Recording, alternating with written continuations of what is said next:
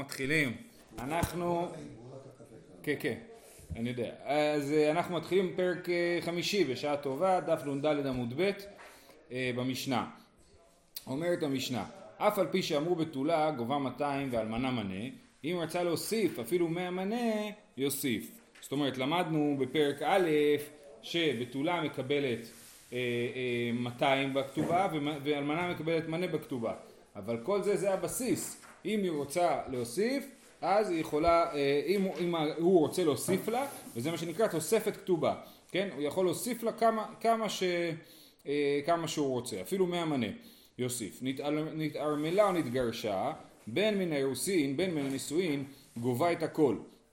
רבי אלעזר בן עזריה אומר, מן הנישואין גובה את הכל, מן האירוסין בתולה גובה 200 ואלמנה מנה, שלא כתב לה אלא על מנת לקונצה.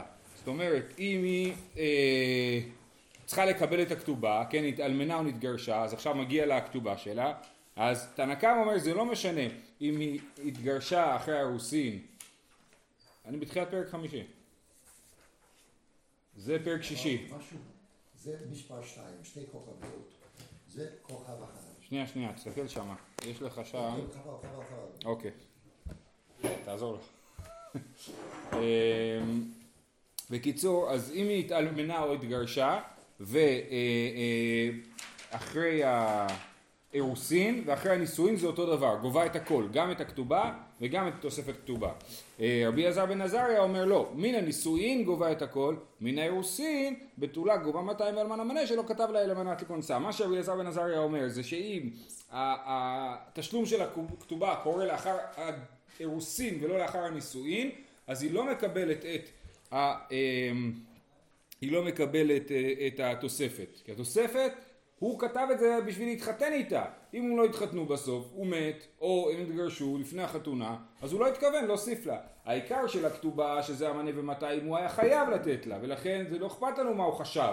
אבל התוספת, אנחנו הולכים לפי דעתו. בעצם יש פה פער בין מה שכתוב בחוזה לבין מה שכוונת הכותב. החוזה הוא uh, כתובה עם תוספת כתובה, כן? זה מה שכתוב, אז לכאורה הוא צריך לשלם הכל. אומר רבי אלעזר בן אלעזר, לא, אני יורד לסוף דעתו ואני אומר, הוא חשב, uh, uh, הוא חשב על...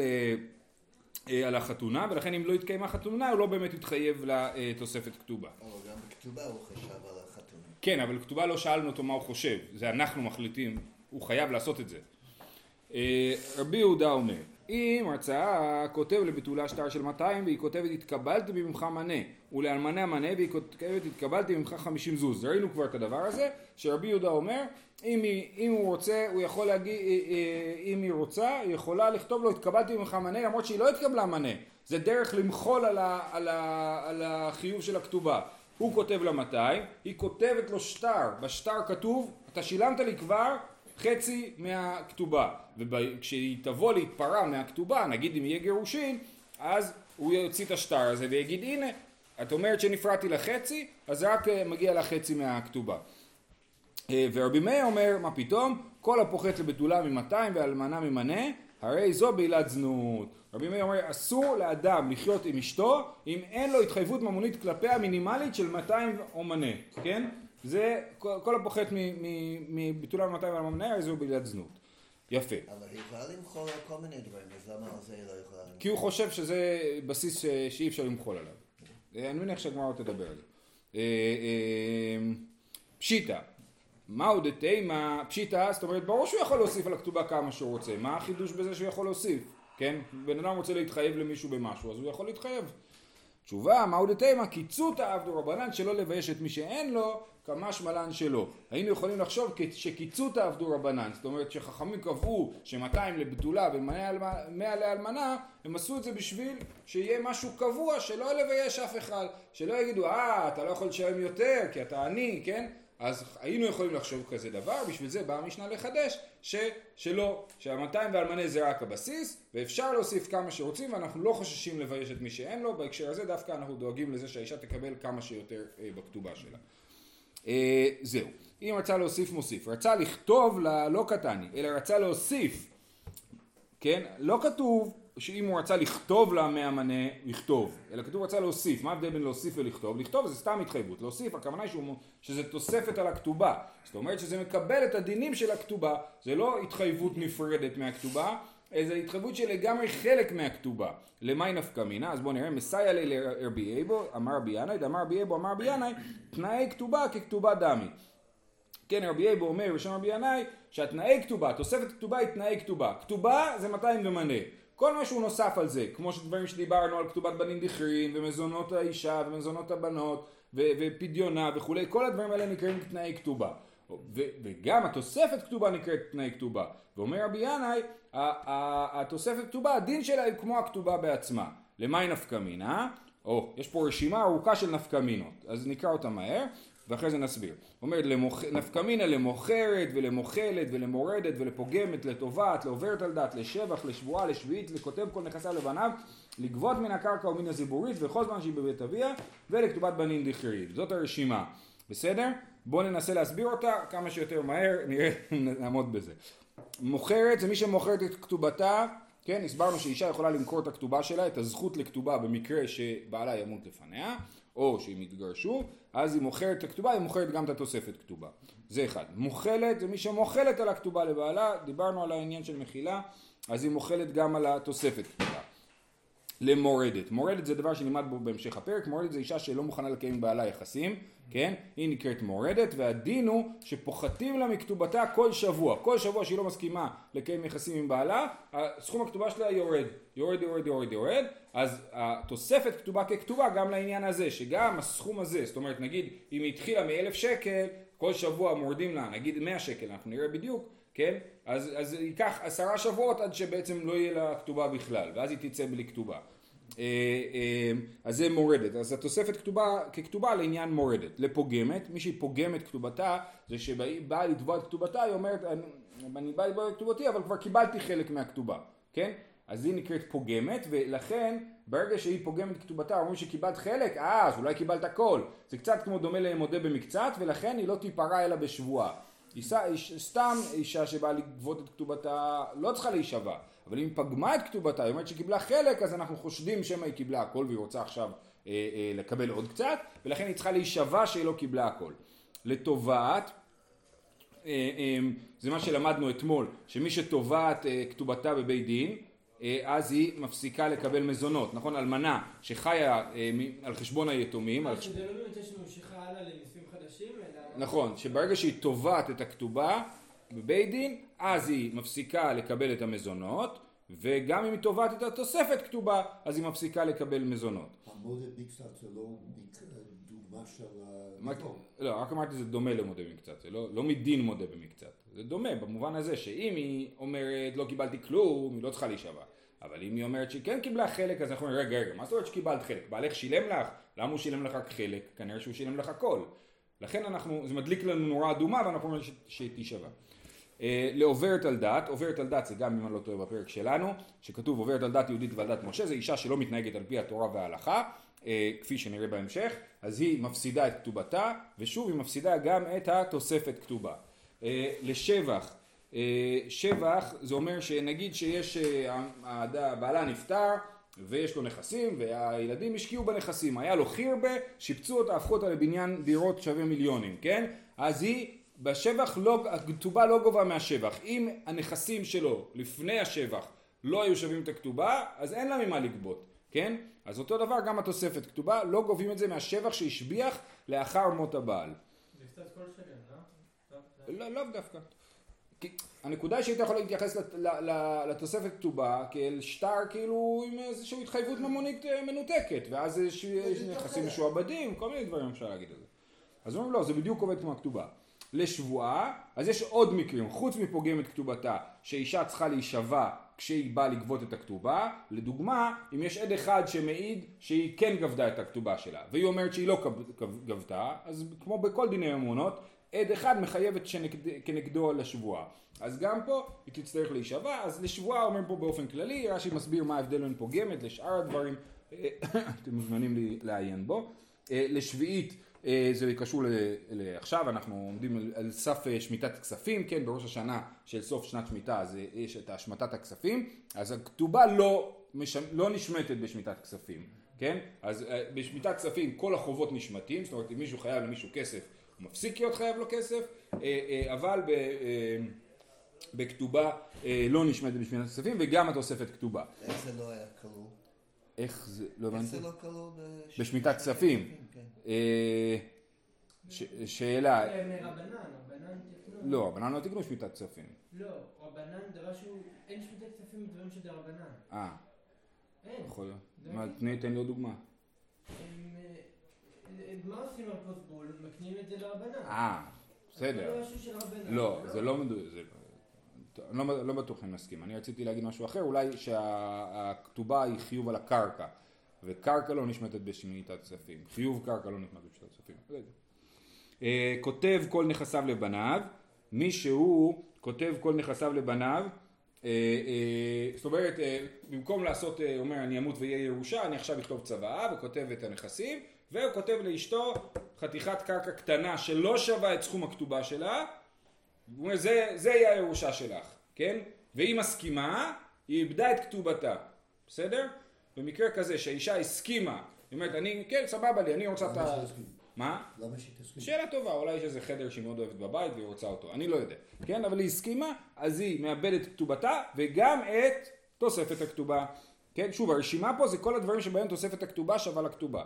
אה, אז היא כותב כל נכסיו לבניו, לגבות מן הקרקע, כתובה גובים מן הקרקע ולא ממיטלטלין, אם, אה, אה, כן, אם הבן אדם לא השאיר אחריו נכסים נדל"ן, אין לה ממה לגבות כתובה, כן, כי את הכתובה גובים מן הקרקע, ומן הזיבורית, את הכתובה גובים מהקרקע הכי גרועה, זאת אומרת יש לו כמה שדות, היא מקבלת את הקרקע הכי גרועה, ושוב גם בדברים האלה אותו דבר לגבי התוספת כתובה שנגבית מן הקרקע ומן הזיבורית, וכל זמן שהיא בבית אביה, אם, אה, אם היא אה, הייתה אלמנה וישבה בבית אביה ולא ניזונת מן הכתובה, היא עדיין יכולה לתבוע את הכתובה.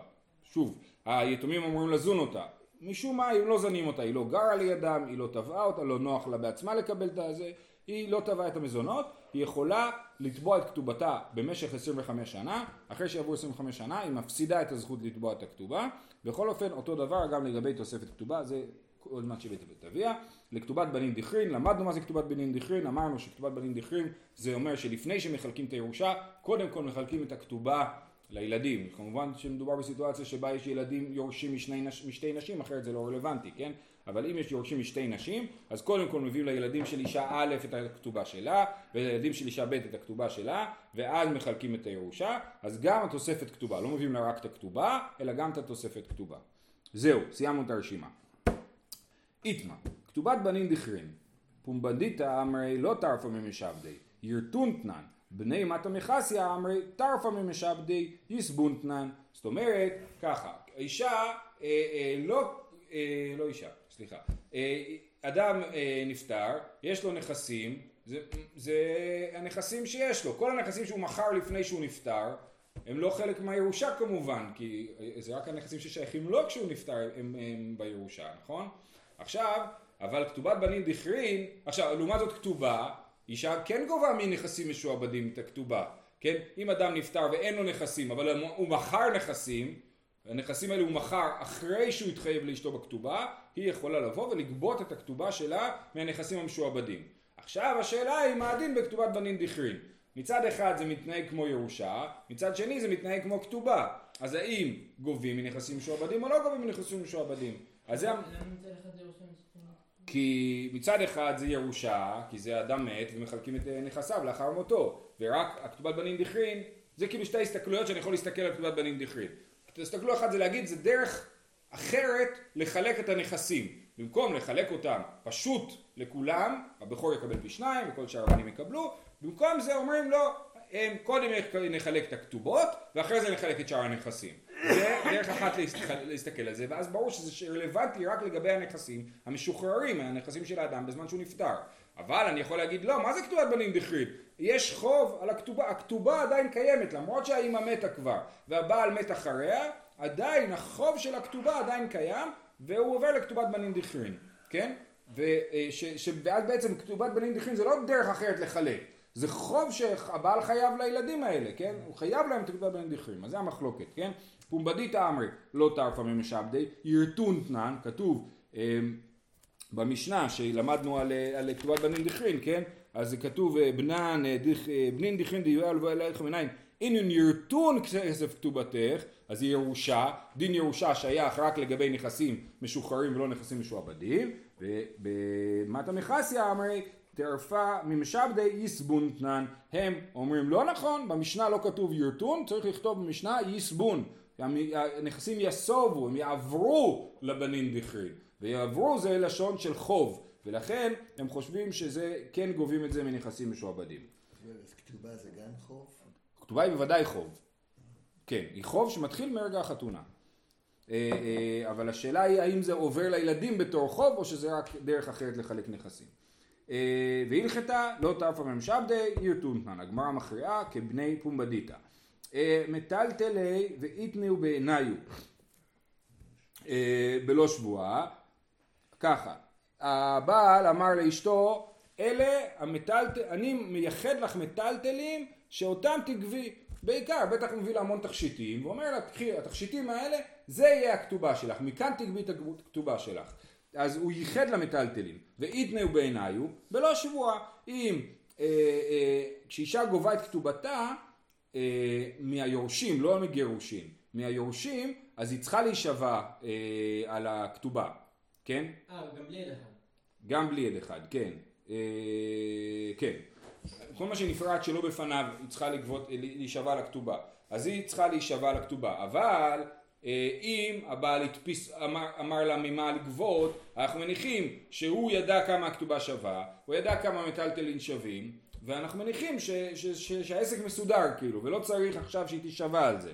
אז לכן, מטלטלין ואיתנאו בעיניו בלא שבועה. אז היא לא צריכה להישבע, אנחנו לא חושדים בה שהיא לקחה דברים אחרים, כי היא יודעת שמובטח לה המטלטלים האלה.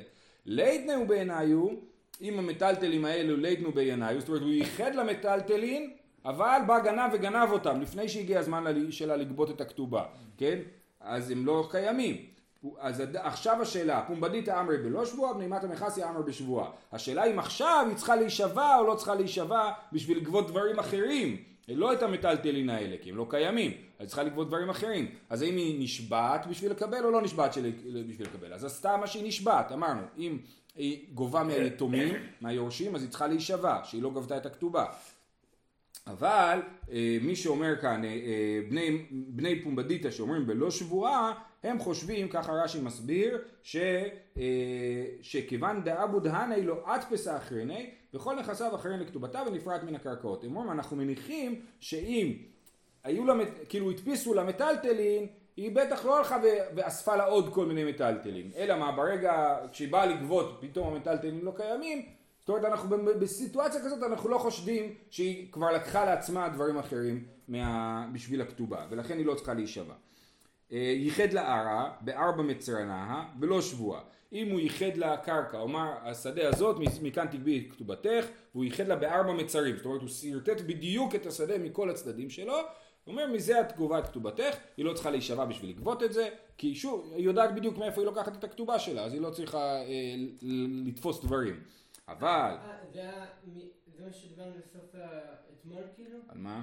שתגבי רק מכאן? כמו, זה לא הפוטיקי, אה, אם זה הפוטיקי, יכול להיות, לא, לא, כן, כן, כן.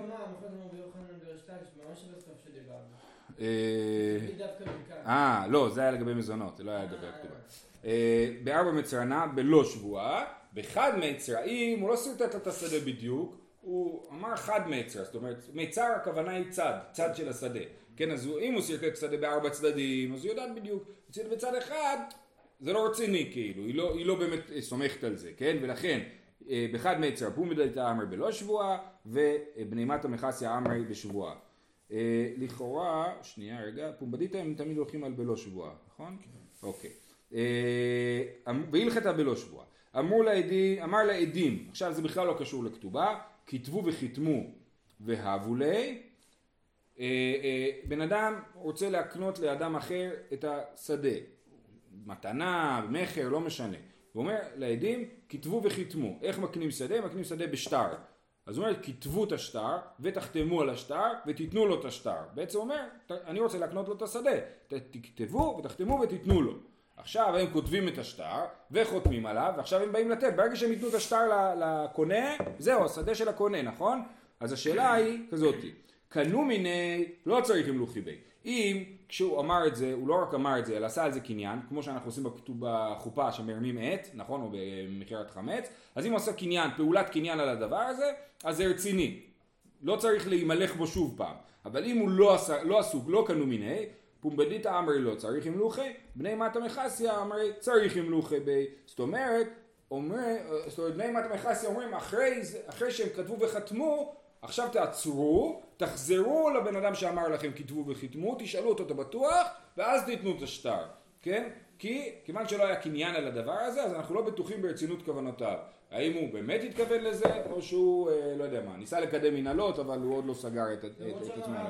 נכון, נכון, נכון. השאלה אם היה קניין או לא הקניין, אז לפי בני מת מחסי אמר צריך המלוכי בי, והלכתה צריך המלוכי בי. זהו. אז למה כולם פמפדיטה והאחרון... אה, נכון, כולם, אה, נכון, אבל באמת האחרון הוא באמת נושא אחר, כאילו. אז זה מעניין, שהכל הלכה כפומבדיתא, חוץ מהאחרון. בקשר לכתובה בלבד. נכון, נכון, כן, ככה יוצא.